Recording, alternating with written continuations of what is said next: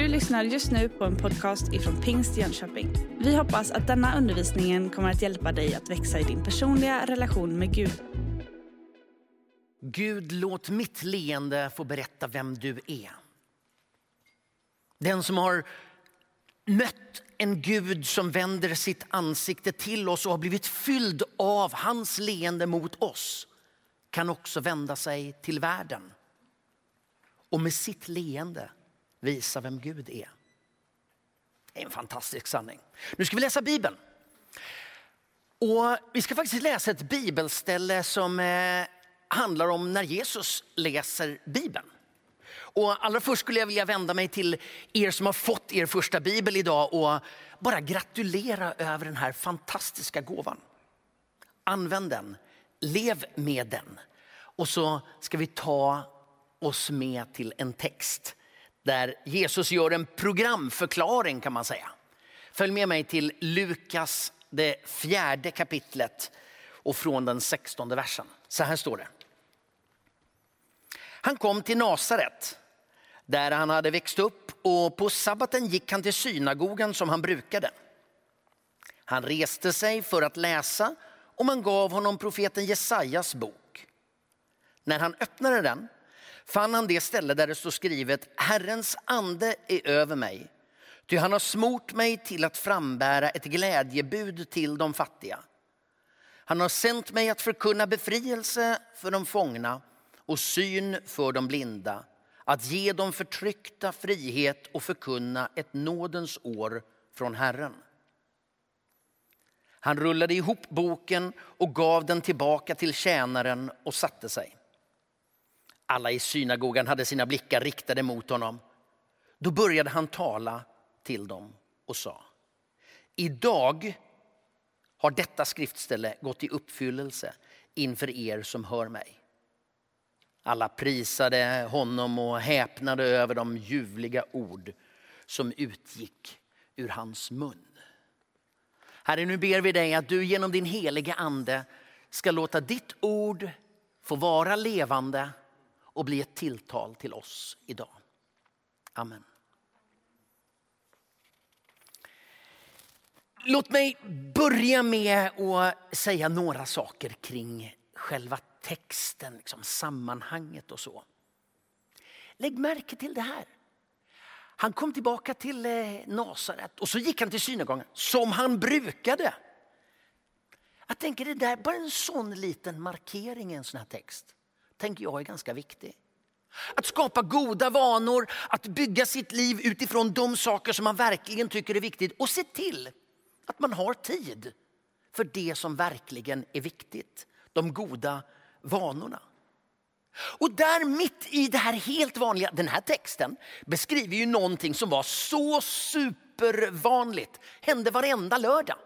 Det bara upprepades och upprepades och så mitt i den där vanliga verkligheten så öppnas dörren mot någonting större. Det är precis så Gud arbetar. Det är inte någonting annat någon annanstans som man måste ta sig någonstans. Här, mitt i din vanliga verklighet. Och för många av er som följer den här gudstjänsten så är det förmodligen hemma i er helt vanliga soffa eller köksstol eller vad det nu är.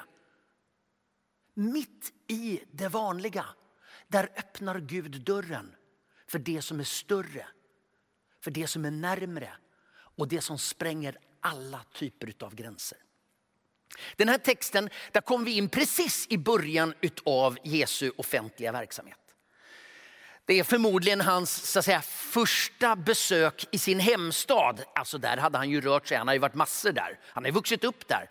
Men nu hade någonting särskilt hänt. Han hade börjat sin offentliga verksamhet och nu kom han tillbaka hem. Han går till synagogan och eh, precis som det var, att den som ville kunde resa sig upp och då fick vara med och läsa bibeltexten. Så Jesus reser sig upp. Han var sugen på att läsa Bibeln när han kom tillbaka hem. Och så gav man honom rullen och där läste man liksom löpande. Man hade ju såna här bokrullar. Vet du. Så att det, det var inte så superlätt att bläddra, man fick hålla på och rulla så här. Så därför höll man sig till det stället. Och där var man i Jesaja-boken. Och så läste han där man var i den vanliga läsningen. Två detaljer kring den här texten som är hämtad ifrån Jesaja-boken, det 61 kapitlet och som handlar om hur Messias och det stora Gudsriket, hur nådens år ska bryta in. Två grejer som är lite speciella. Det ena är att Lukas-texten inte har med den sista delen i Jesaja-texten.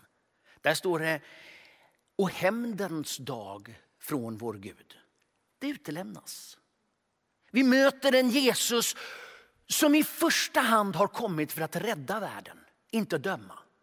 Evangeliet det är i första hand ett budskap om frälsning och upprättelse och räddning. Inte ett slätstruket, men det är i första hand ett budskap om räddning och upprättelse. Den andra intressanta saken är, och det här tänker jag att du som är bibelläsare och tycker såna här grejer, att det är lite kul att bläddra i Bibeln. Läs Lukas-texten och så läser du Jesaja 61 så kommer du se att det finns några grejer insprängda i Lukas-texten som inte står i Jesaja 61. De är hämtade ifrån Jesaja 58. Och Det där är väldigt spännande. För i Jesaja 58 så finns liknande text om hur Gud vill att samhället ska vara. Det här är inte bara en text om så att säga, din personliga frälsning och upprättelse och nåd från Herren. Utan det är också en text om hur Gud vill att hans rike ska ta sig uttryck på riktigt. I vår verkliga verklighet. Och så läser då Jesus texten och så börjar han. Herrens ande är över mig. Och om du bläddrar i din bibel i närområdet till den här texten så kommer du se hur anden är närvarande. Bara några verser tidigare så möter vi Jesus i dopet. Och då kommer anden över honom. Och när han går därifrån så går han uppfylld av anden. Och sen några verser längre fram så står det hur han ledd av anden fördes ut i öknen. Och efter att ha mött frestelsen ut i öknen så står det i vers 14. Med andens kraft inom sig så började han gå vidare. Alltså anden är väldigt, väldigt närvarande i hela sammanhanget. Och så börjar texten.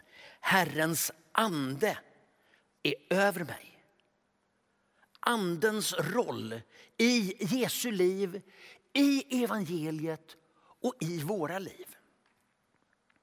Jag jag säga någonting om andens roll. Ibland gör vi anden till någonting som är lite så här speciellt och, och kanske förknippat med väldigt himlastormande erfarenheter.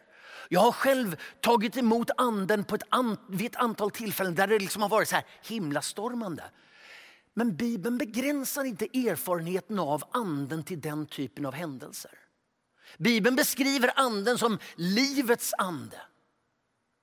Vet, det går inte att leva utan anden.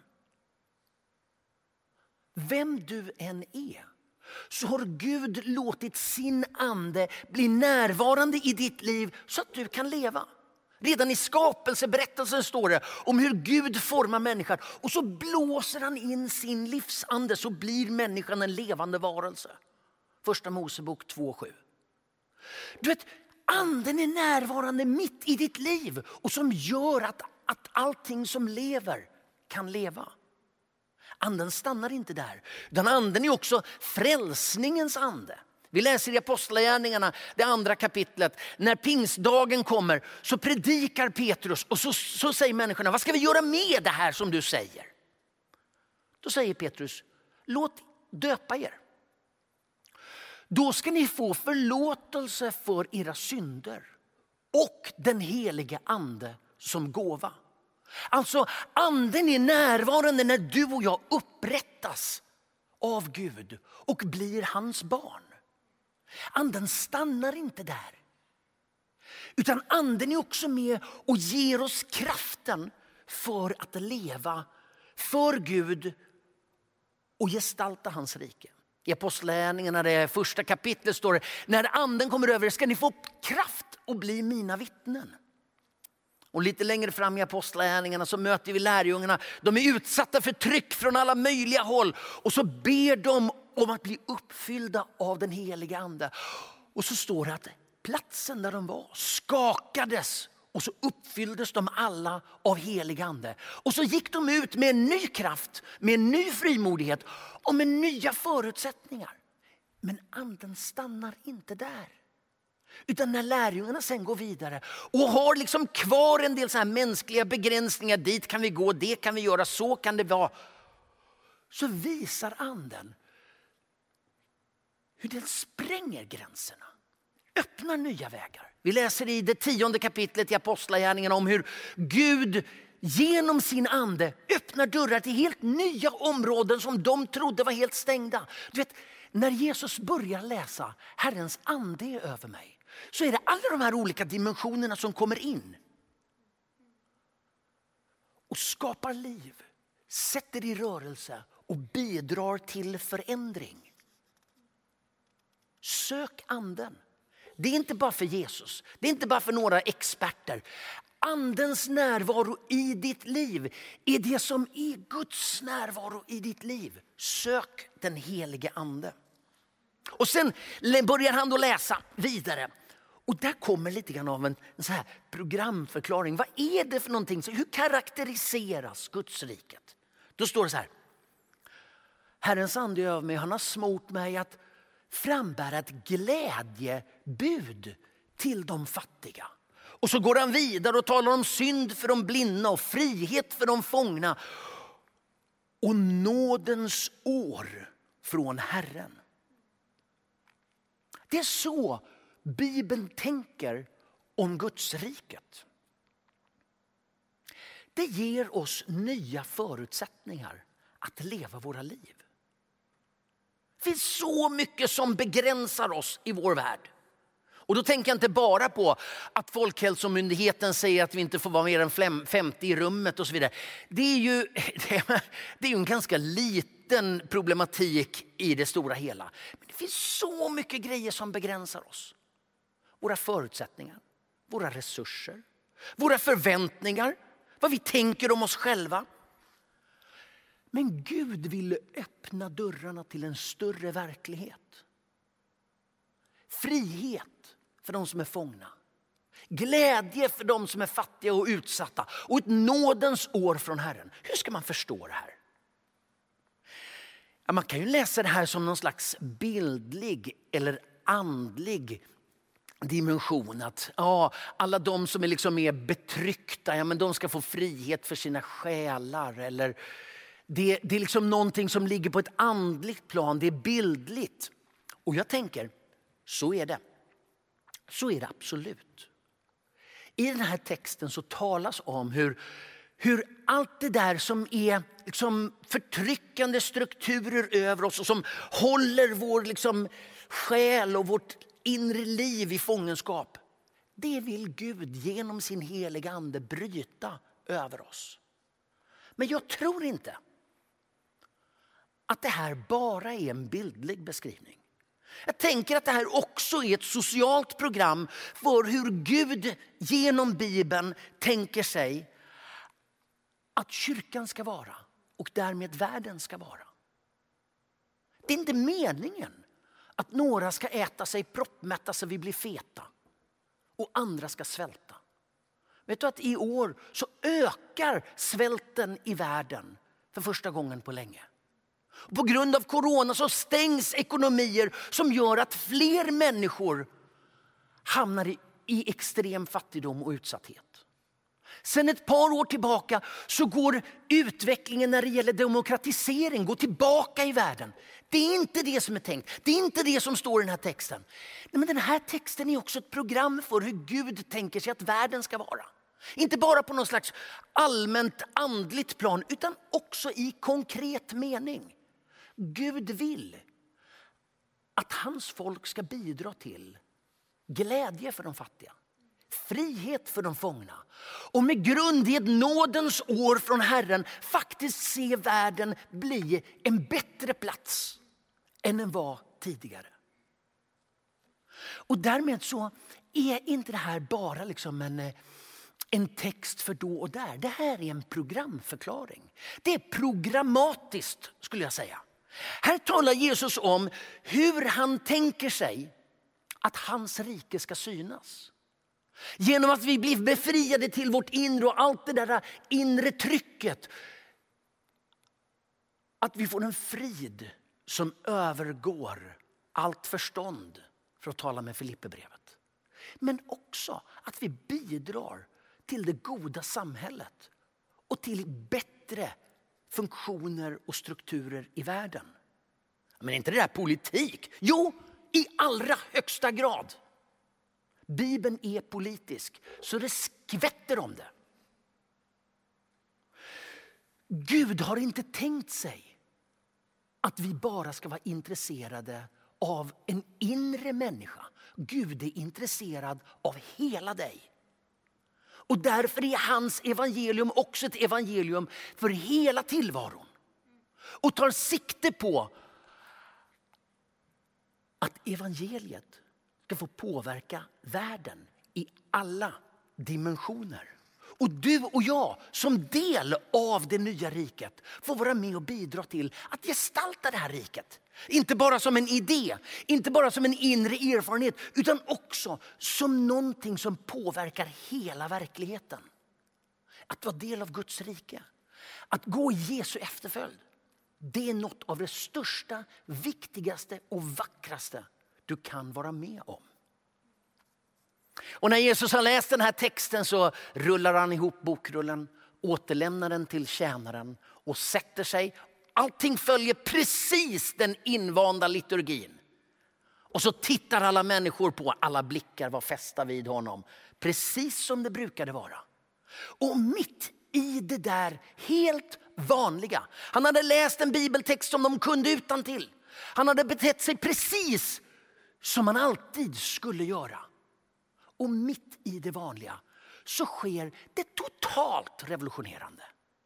Och så säger han, idag har detta skriftställe gått i uppfyllelse inför er som hör det. Och ni som har fått era biblar idag, ni har ju en lite annan översättning. I er text så står det, har idag blivit verklighet. Är du med? Det har gått i uppfyllelse, det har blivit verklighet. Vad är det han säger?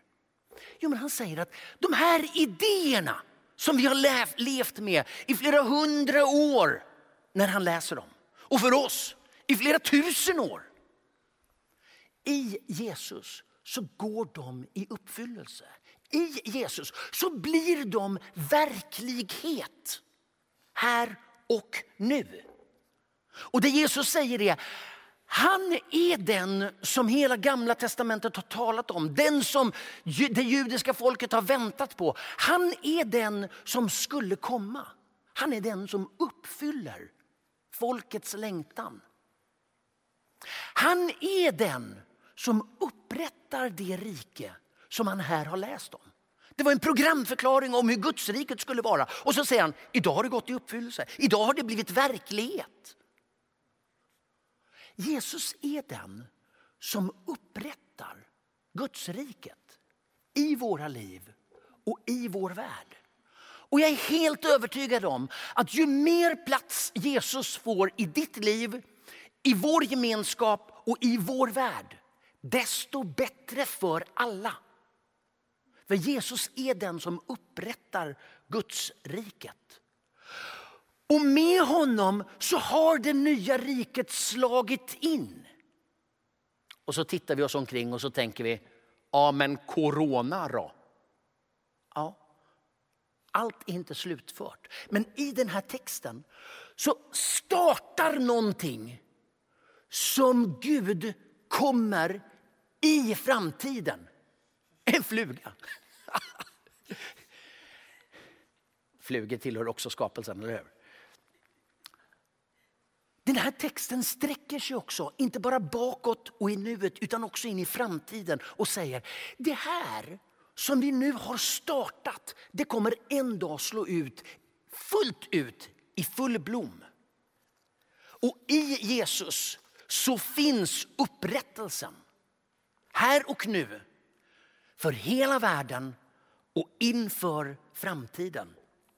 Den här texten säger oss att Jesus genom anden öppnar liksom en ny värld. Där vi på en gång blir upprättade och får vara med och upprätta. Hur var det de sjöng i sången? Alltså, när jag har liksom blivit del av din kärlek så kan vi säga låt mitt leende få berätta vem du är. Den som har tagit emot Jesus har ju blivit förvandlad och får börja leva i den här nya verkligheten där Guds riket har börjat liksom bli en verklighet. Men när man har blivit det så blir man också indragen i den upprättelserörelse som Jesus har startat. Så evangelium handlar ju förstås om att upprätta enskilda människor och upprätta världen. Men den handlar också om att inkludera dig och mig i det här byggandet av det nya riket. Anden öppnar dörren både för upprättelse och för upprättande. Och du och jag lyfts in i båda sakerna. Och här är det viktigt att ta det i rätt ordning. Det handlar inte om att nu ska vi förändra världen och genom det nå fram till friheten i Gud. Nej. Det är genom att han har gjort det han har gjort. Att han har gett sig själv och att han har öppnat dörren genom sin heliga ande. Som du och jag kan lyftas in i detta nya rike och bli del av det Gud har tänkt, planerat och vill göra. Det här, kära vänner, det här är det vackraste och viktigaste som du och jag kan bli del av. Guds nåd och Guds befrielse. Och nu ska vi be tillsammans. Och det här det är någonting som du och jag kan ta del av. Öppna oss för. Några av er kanske behöver göra det för första gången i ditt liv. Kanske du behöver säga, Alltså den där friheten som beskrivs i den texten, den behöver jag få. Jag är bunden i mina egna tankar, inkrökt i mig själv, låst utav, jag vet inte vad, men du vet det och Gud vet det. Du behöver få den frihet som bara Gud genom Jesus i den heliga ande kan ge. Men alla vi som har upplevt det och tagit emot det, vi vet, det här behöver man fylla på gång på gång. Du kanske sitter där hemma i din soffa och känner det där var så verkligt för mig för 20 år sedan. Men steg för steg så har det där liksom dimmat till sig och är lite otydligt. Idag är dagen när Gud vill upprätta nådens år i ditt liv och sätta dig och mig och oss alla i rörelse för hans rike. Du som följer oss nu i livestreamen. Du kan ge dig till känna genom den här lilla knappen med handuppräckning. Så ska vi ta med dig i våra förböner. Och tittar du på det här i efterhand så är det så här. Gud är inte beroende av en datorknapp på din skärm. Men han önskar att komma in i ditt liv och börja ett upprättelsearbete. Så att du får bli del av det stora som Gud har börjat och som Gud kommer fullborda. Och där får du vara med. Ska vi be tillsammans? Herre, vi tackar dig för din nåd, för din kärlek. Att du kommer till oss genom din ande och fyller oss med ditt liv. Nu ber jag dig för oss alla som är behovets barn. Alla vi som inte riktigt räcker till och som på ett eller annat sätt är bundna i våra egna och världens begränsningar. Herre, vi ber dig, öppna ditt rike för oss. Öppna ditt rike i oss. Fyll oss med dig själv och din närvaro. Och jag ber dig för den människa som idag sitter hemma i sin soffa och brottas med kampen. Gud, jag ber dig, befria genom din kraft. Jag ber dig för den som är blind både till eh, fysiska ögon eller till sin inre värld. Gud, öppna ögon. Herre, jag ber dig att du som har lovat att ge oss av din nåd, att du ska låta nådens år få börja bli en verklighet i våra liv. För ditt namns skull ber vi. Amen. Du har just lyssnat på en podcast ifrån Pingst Jönköping. För att få reda på mer om vilka vi är och vad som händer i vår kyrka så kan du gå in på pingstjonkoping.se eller följa oss på sociala medier via pingstjkpg.